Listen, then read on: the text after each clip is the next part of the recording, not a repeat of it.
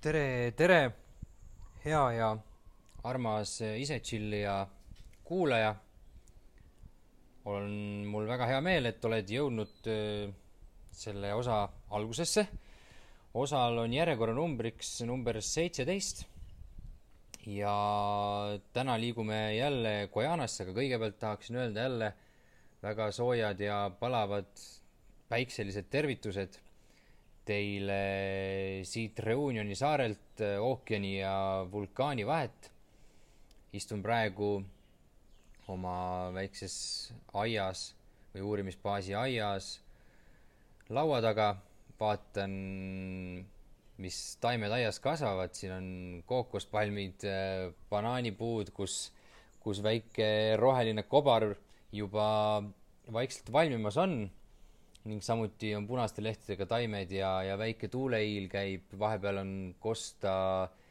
lainete peksmist vastu kaljusid ning samuti ei puudu ka linnulaul ja, ja mõned möödalendavad linnudki. et tõesti, ega väga kurta praegu ei saa selle, selle olukorra üle. aga jah, siit läheme jälle siis muidugi teise Prantsusmaa ülemere territooriumile Prantsuse Guyanasse tagasi. ma ei, see hakkab ka vaikselt suvi kätte jõudma, mingi ütleme, et maikuu vist umbes kaks tuhat seitseteist aasta jälle. et noh, võib-olla see džunglielu oli ikkagi väga mõnus ja väga üllatuspakkev ja, ja väga üllatusterohke muidugi, kunagi ei teadnud, mis mis, mille peale hommikul ärkama pead, näiteks üks hommikul ma siit oma päevikust vaatan järgi, et äratati mind hommikul umbes pool kuus või kell kuus ülesse. äratajaks oli minu ülemus, kes ütles, et kuule, Joosep, kahjuks pean sind üles ajama, sellepärast et, et ma sooviksin sult ühte väravavõtit ja siis teise värava mutrivõtit ka et ma pean praegu kibekiirelt tööle minema, aga sinna tee peale, kus, mis ühendab siis asfaltteed ehk siis suurt teed ja meie lotsi, on siis öösel ümber kukkunud päris jämmu ja, ja üsnagi suur puu, et ta ei saa sealt autoga mööda. et ta peab minema siis natukene ringiga, aga seal on väravad kinni ja lukus ja minu käes on need võtmed et kui peaks vaja minema, et siis äh,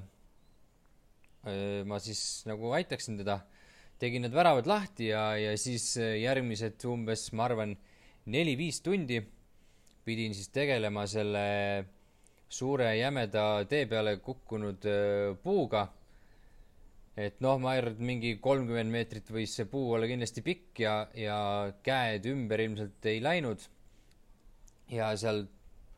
selle puu ladvapoolses otsas, mida sa tavaliselt ei näe, et seal on igasugused teised taimed ka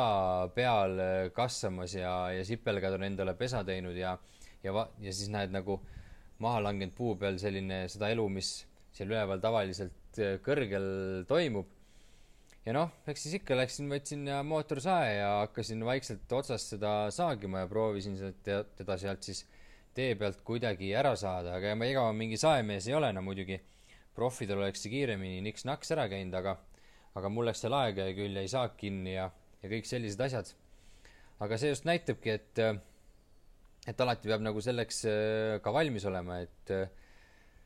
et võivad sellised asjad juhtuda ja siis peab olema ka mingisugune lahendus alati välja mõeldud. vot sellised lood ja muidugi see ei olnud esimene kord äh, kui äh, puu tee peal ette kukkus ja kindlasti pole ka viimane kord, et neid olukordi tuleb ette veel ja veel ja loodetavasti siis sellistel hetkedel, kui on natukene rohkem äh, aega sellega ka tegeleda. ega muidu jah, väga ei olegi nagu midagi, aga lihtsalt autodega on vähe jama, et jala saab vabalt rahulikult üle, et ei ole üldsegi hullu. ja jala metsas käia mulle väga meeldis ja eriti meeldis käia õhtuti, sellepärast et siis nagu neid kuidagi loomi nägi palju lihtsamalt ja kiiremini. näiteks nagu üks õhtu, kui ma jalutasin seal metsarajal seda kullakaevanduse rada mööda, tegin oma väikse õhtuse tiiru nagu ikka, siis ma nägin, ma mäletan päris hästi, et ma nägin vasakul ühe taime lehe peal, no see taimeleht oli natukene selline suuremat sorti, ma arvan, umbes mingi vahtralehe moodi, aga ta oli natuke tugev ja see oli mingi rohttaim umbes minu puusa kõrgusel ja siis selle taimelehe peal ja oli siis väike ja väga-väga ilus ja armas äh, madu. Ladina keeles kannab see maa, madu nime siis Dipsas catespi. et nendest tipsastest ma siin üle-eelmises osas vist minu arust rääkisin, et, et eesti keeles kutsutakse neid siis äh, jämepeamadudest ja seal ma rääkisin ka natukene nendest, et aga igaks juhuks kordan üle, et Äh, need on siis sellised maod, kes siis äh, toituvad enamasti siis nälkjatest ja, ja tigudest ja nende pea on siis nagu natukene suurem jah, või siis nagu nimi ütlebki, jämedam kui nende keha, et ta on hästi nagu öelda äratuntav. kui üle-eelmises osas oli see tipsas äh, mul suhteliselt sihuke mitte midagi ütlev ja tagasihoidlik ja pigem koledamat sorti madu, siis see Äh, tipsas Katespi ehk siis Katespi Snail Eater, Katespi äh, teosööja oli siis palju-palju ilusam. et äh, ta oli sihuke hästi väike ja nunnu, ta mahtus minu peopessa isegi ja ta oli, oli selline pruuni värvi, nagu see põhivärv, ja siis jube ilusad mustad täpid olid seal peal niimoodi vaheldumisi nagu malelaua moodi ja, ja selle mustrade täppide ümber oli siis äh, ka selline erevalge ring, et veel anda sellele volüümi ja, ja sära ilusti juurde. et tõesti väga-väga nunnu ja armas ja natukene viskas ka kuskil pea juurde väikest kollast äh,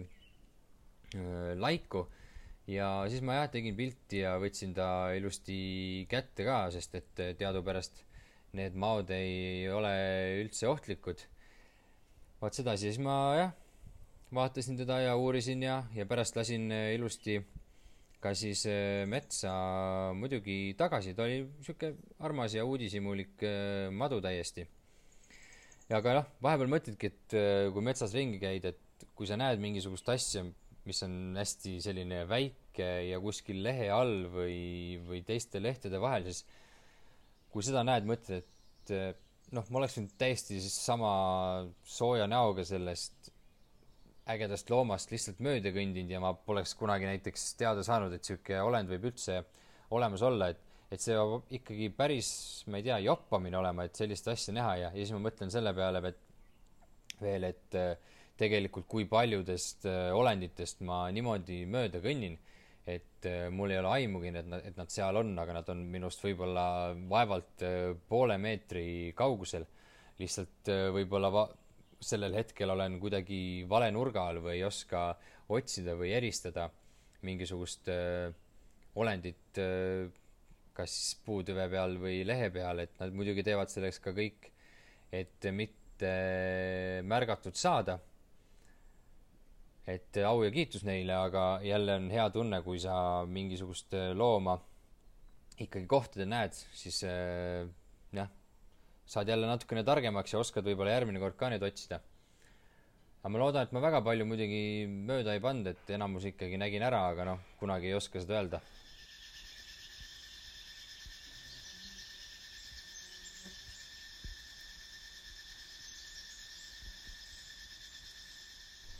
sellest äh, Jämepeamaost liigume edasi samamoodi, mingi paar õhtut edasi siis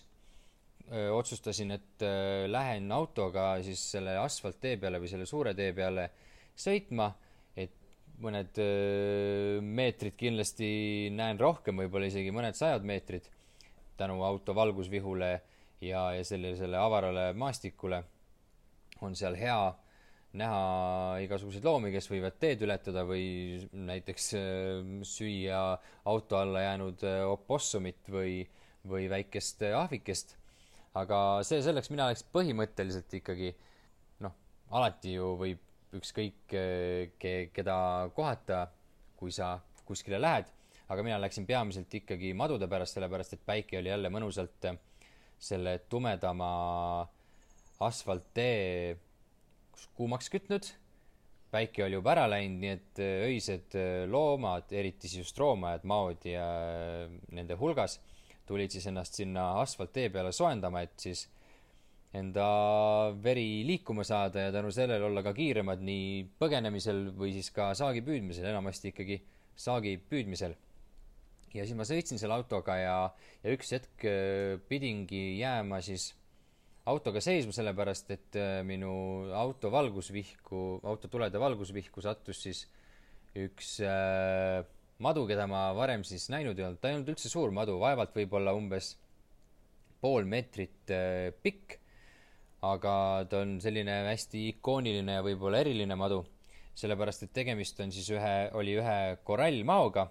usun ja loodan, et midagi olete korallmadudest äh, kuskilt midagi kuulnud või meelde jäänud, võib-olla minu jutu käigus äh, siis äh, tuleb meelde, et et jah, et midagi sellist olen kuulnud. nimelt siis korallmaod üldiselt on siis ühed kõige mürgisemad maod siis maailmas ja neid leidub nii vanas maailmas kui ka uues maailmas. et on päris palju erinevaid liike, mingi, ma ei tea, üle kuuekümne vist. ja, ja kõigil on selline siis äh, äge ja, ja sihuke särav värvus, nad on enamasti siis punase, kollase, musta, siukse triibumustriga ja sellepärast kutsutaksegi ka neid korallmadudeks, et nad on siis, äh, elavad vahepeal ka rannikualadel ja nad on sellised väga säravad ja silmapaistvad, nagu korallid eh, teadupärast on, siuksed värvilised, eredad. ja no lisaks sellele, et need on siis hästi mürgised maod ja hästi eredad ja sätendavad ja nagu ikkagi need, nagu võtame kas või lepatriinud või herilased, see punane, kollane, must, need värvikombinatsioonid siis eh, haaravad silma ja samuti tekitavad ka sellist natukene õõvastust, sest et tihti juhtub, et selliste värvikombinatsioonidega isendid on siis kas äh, halva maitsega või siis mürgised, nagu me räägime siis praegu siin korallmadudest. Ja selle mõttes on ka see teistele nii-öelda võib-olla kasuks, et siis paljud tavalised mittemürgised maod, kes ei taha, et, et neid tülitatakse, no näiteks võtame siis äh, inglise keeles öeldes milksnake'id või kingsnake'id, neil on siis äh, sama, samasugune muster natukene sarnane ja siis üritavad jäljendada seda. Et siis äh, näida mür-, äh, hästi mürgised, mida nad tegelikult siis ka ei ole. ja, ja Põhja-Ameerikas on ka neid madusid ja Põhja-Ameerikas on selles mõttes lihtne meelde jätta, et võib-olla paljud on kuulnud sellist äh, hüüdlauset või väikest luuletust, et red and yellow kills a fellow, red and black friend of Jack, ehk siis kui öö, mõni põhjaameeriklane näeb siis mingisugust madu mis on siis korallmadu või korallmao sarnane madu ja ta ei tea, kas see madu on siis mürgine või mitte, siis ta korrutab oma peas seda luuletust, et siis äh, punane ja kollane tapab kaaslase, punane ja must äh, Jacki sõber. ja siis ongi võib-olla, noh, kindlasti on äh, lihtne teha vahet, kas tegu on siis korallmao või siis mittemürgise mingisuguse muu maoga ja aga halb asi on näiteks see, et see värvikombinatsioon ja mürgisuse suhe kehtib ainult siis äh, Põhja-Ameerikas, et Lõuna-Ameerikas, äh, seal, kus äh, Prantsuse Guyana asub ja, ja mina käinud olen, seal on hoopis teine lugu nendega. aga Põhja-Ameerikas tuleb ikkagi kasuks, et see meelde jätta. et siis jah, Lõuna-Ameerikas on erinevaid toone ja värvikombinatsioone palju teistsugusemaid, et äh, Guyanas on siis näiteks äh, viis erinevat liiki neid mürgiseid korallmadusid, et siis äh, mõned ongi sellised, millel on siis punane, kollane ja must kõik värvid olemas, mõned on sellised, et on põhimõtteliselt ainuke, ainult must toon, seal on võib-olla hästi halvasti näha mõningad valged või heledamad triibud kuskil pea juures Mm, mõni on siis noh, must ja ainult näiteks kollaste triipudega ja minu oma oligi see siis viimane. Mina nägin siis eh, Northern Coral Snake'i, mis oli siis üleni must madu ja tal olid kollased triibud siis keha peal. ja ega seal Guyanas nagu selles mõttes väga midagi teha ei ole, et kuna Guajanas on siis viis liiki erinevat korallmadu, siis sa lihtsalt pead need äh, nii-öelda ära õppima, et millised on mürgised ja millised ei ole, et viis liiki vast ei ole väga palju, vähemalt eriti sellisele inimesele nagu mina, kes, kes väga madudest huvitub ja, ja tahab teada. et äh, need jäid suhteliselt lihtsasti meelde ja siis, kui ma juba autost välja tulin, või noh, isegi kui see madu mulle sinna auto ette sattus, siis ma juba aimasin, äh, kellega võiks siis tegu olla. ja öösel ta seal siis tee peal konutas, soojendas ennast ja nad ongi siis korallmaod just põhiliselt äh, öise eluviisiga. et äh, päeval nad on siis kuskil džunglipõrandal lehtede varjus või okste all äh, peidus. aga siis natukene nendest korallmadudest ja nende mürgist, mis on siis tegelikult väga-väga-väga ohtlik põhimõtteliselt, kui olete kuskil telesarjades või filmides näinud, ma loodan, et mitte ise tundnud siis tavaliselt näiteks kui me võtame rästikuid, siis nende hammustus on hästi-hästi selline kiire ja, ja millisekundiline, ehk siis nad sööstavad sinu poole, hammustavad ära ja tõmbavad ennast tagasi. korallmadudel nii ei ole, sellepärast et nende mürgihambad on äh, väga väikesed ja näiteks läbi nahksaapa nad ei suuda isegi hammustada su jalga. ja selle tõttu peavad siis korallmaod oma hammustamise käigus, et mürki siis äh, süstida vaenlasesse või, või saaklooma, nad peavad siis teda nii-öelda nätsutama, inglise keeles jah, on see sõna chewing, ma arvan, et eesti keelde võiks tõlkida küll, niisugune nätsutamine, ehk siis need, no neil läheb palju rohkem aega, et see mürk lõpuks jõuaks öö, äh, olendi kehasse, keda nad siis parasjagu soovivad hammustada ja samamoodi mürgi toimimine võib hakata toimuma näiteks alles mitmeid tunde pärast hammustust eh, ennast. Et eh, ja, ja need mürgihambad on väiksed ka, et võib-olla isegi vahepeal ei tunnegi, kui keegi sind on hammustanud. Ja see võib tekitada probleeme, kui sa nagu ei tea ja, ja kohe see mürk toimima ka ei hakka, aga aga mürk ise muidugi on neurotoksiline, tekitab näiteks eh, paralüüsi või hingamisraskuseid. Aga noh, muidugi enamasti nad on äh, mega rahulikud loomad, nad ongi kuskil seal äh, peidus, hammustavad ainult äh, viimases, viimases hädas, nii et ma internetist vaatasin Vikipeediast, et näiteks USA-s alates tuhande üheksasaja kuuekümnendatest aastatest ei ole vist ühtegi dokumenteeritud korallmao hammustust nagu olnud, et, et kui, kuigi nad on väga mürgised siis äh, hammustusi ja, ja kokkupuuteid inimestega toimub väga vähe ja, ja seda võib-olla juhtub ainult siis, kui inimesed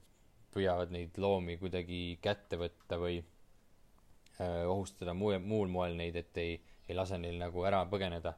ja lihtsalt võib-olla teadmatusest ja natukene ka lollusest need asjad võivad siis juhtuda. vot sellised öö, äh, lood nende korallmadudega, muidu väga ilusad öö, maod et äh, pärast äh, vaadake pilti ka kindlasti Instagramist või Facebookist järgi.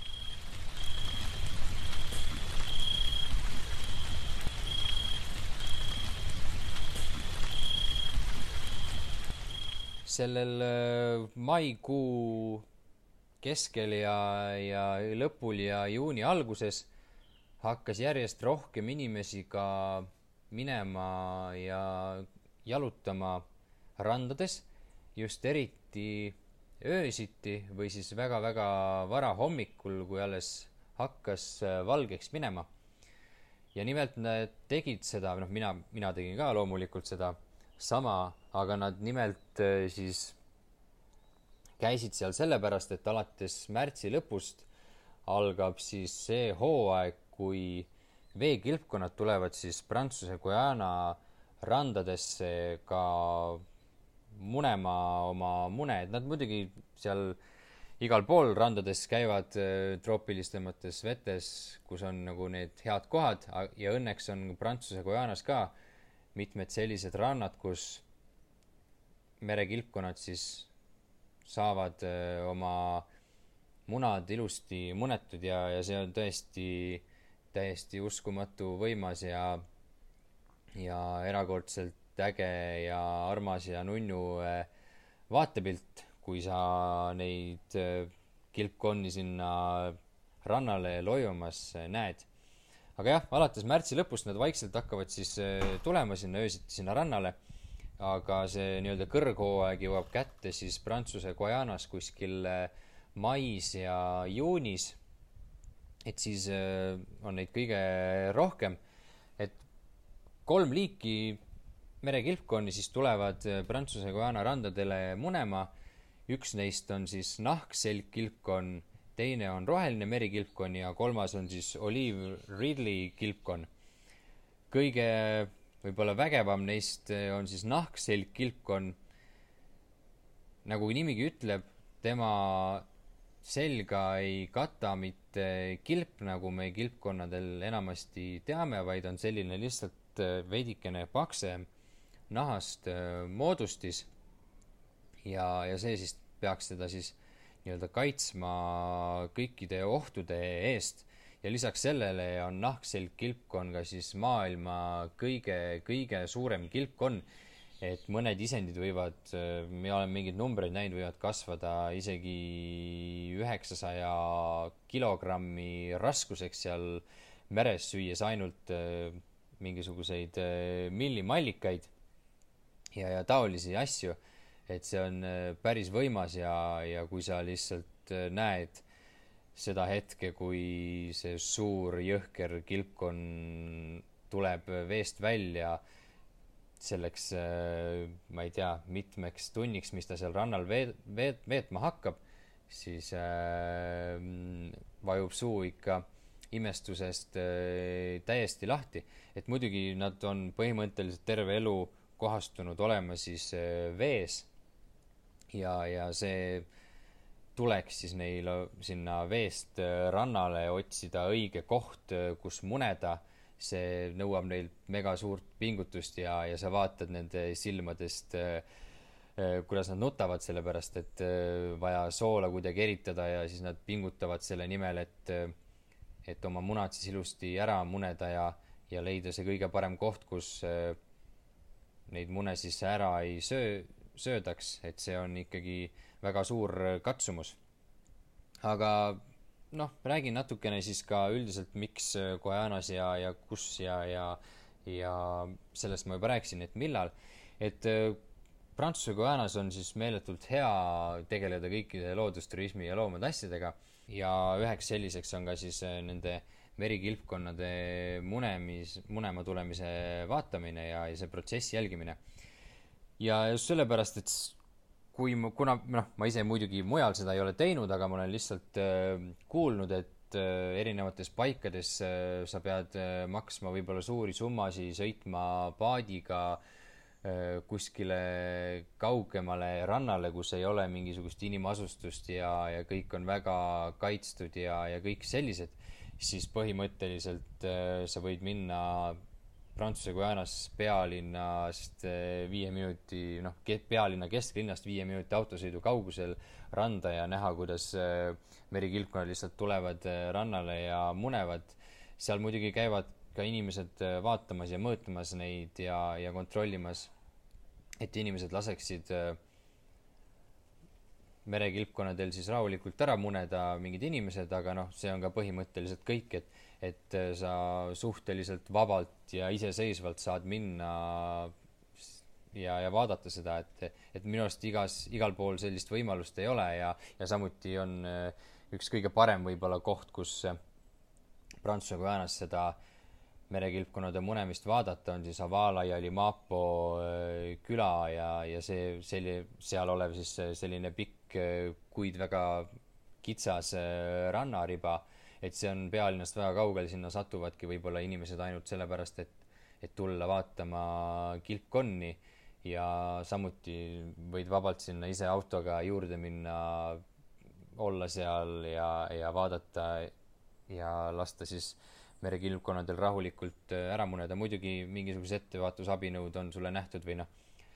sellised ettekirjutused, mis sa võiks teha, et äh, sa ei tohiks häirida neid, et sa pead äh,, kui sa tahad taskulampi kasutada, siis äh, siis sul peab olema selle, seal see punane valgus ja, ja sa ei tohi minna lähemale ja ei tohi neid puutuda ega midagi sellist, aga see ei ole ilmselt äh, väga hull ja, ja kõik on nagu selline lihtne ja käe-jala juures ja, ja palju vabadust sul on ka, et äh, mine mis kellaajal tahad ja, ja tule mis kellaajal tahad. Et selles mõttes äh, väga eriline ja, ja lihtne koht, kus sellist loodusimet nagu näha. ja noh, iga see kilpkonn, kes sinna rannale siis munema tuleb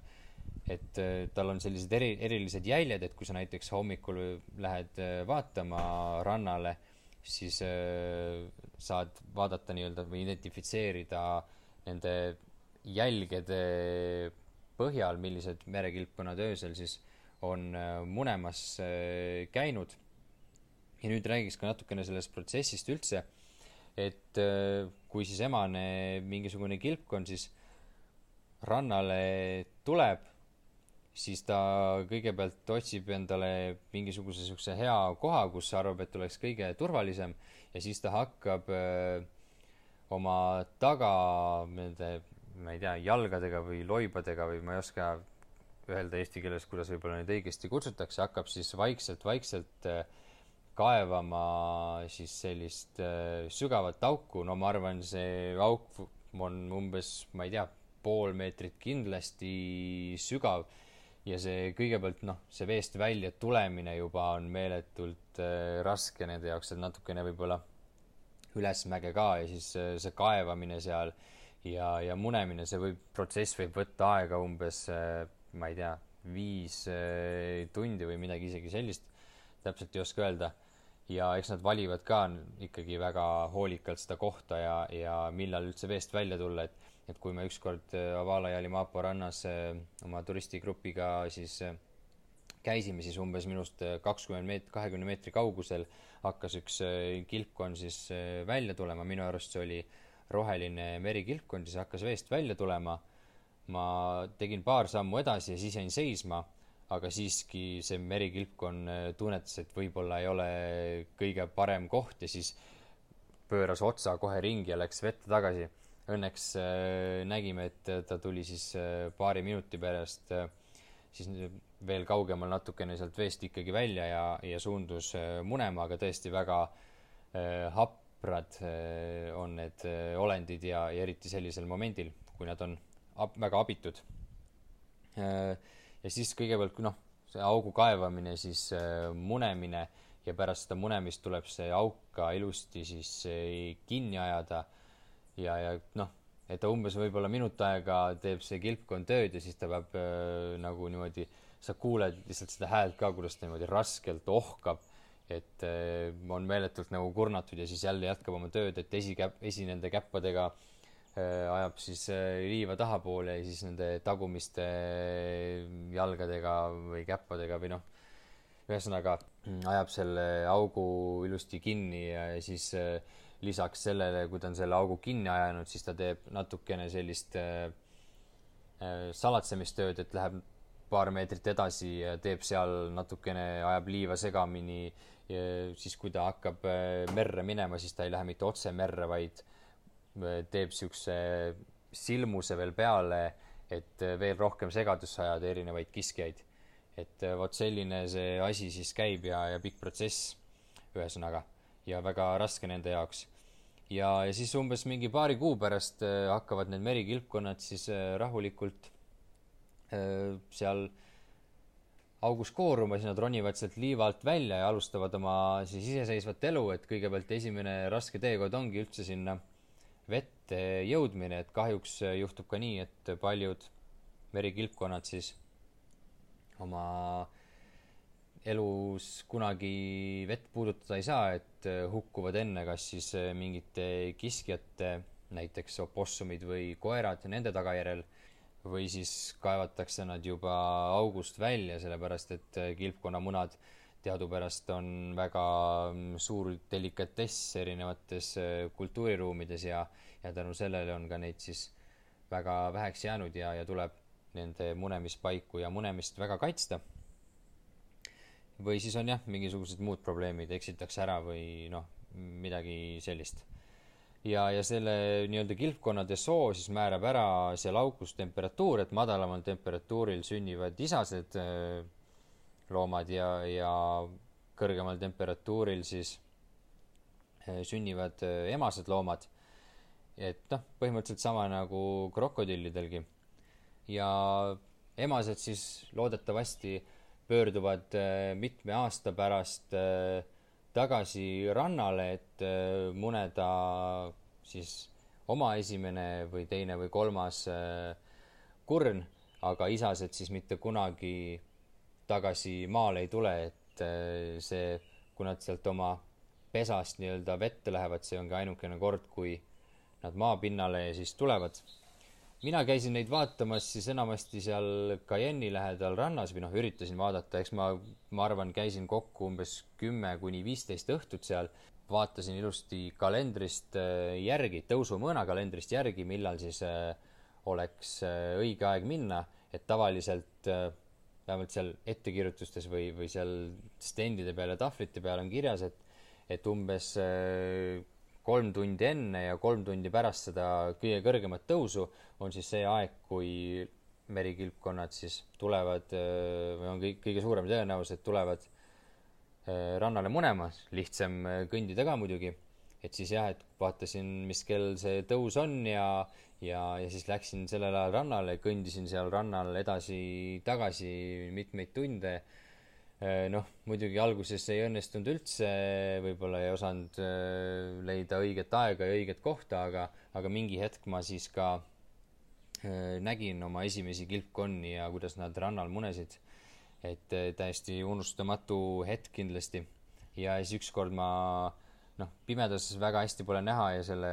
halva punase valgusega ka mitte. ja siis üks hommik ma otsustasin niimoodi, et ma läksin vaatama, et, et et millal see hommikul see tõusuvärk on. et äh, sattus ka sellisel ajal, et kus see merekilpkonn võib olla rannal samal ajal, kui päike on juba vaikselt tõusmas ja, ja läheb valgeks ja, ja õnneks mul õnnestus ka ühte merikilpkonna näha sellel ajal, kui oli siis nii-öelda valge ja tema tegutsemist, et noh, ja eks ma pärast äh, oma reisigrupiga olen ka siis käinud mitmeid kordi neid äh, kilpkonni vaatamas ja ja alati on väga vägev olnud ja inimestele jätnud äh, väga hea ja ägeda mulje. ja jah, sama, samuti nagu sellel korallmaal, siis äh, mul on ka erinevaid pilte ja videosid nahkil selgkilpkonnast, äh, kuidas ta siis maismaal liigub ja, ja kuidas ta parasjagu auku kinni kaevab ja ja, ja koos minuga on ka üks pilt, et näete, kui suured nad tegelikult siis olla võivad aga ma arvan, et selle ilusa ja ägeda sündmusega tõmbaski tänasele osale ka joone alla. et loodan, et teil võib-olla tekib endal ka võimalus näha mõnda merikilpkonna rannale munema tulemas. ja, ja kindlasti ka, äkki näete ka mõnda madu siis sealsamas ligidal juures kuskil, oleks ju vägev. aga seniks, kuni kuulete mind järgmine kord, olge mõnusad. tšau.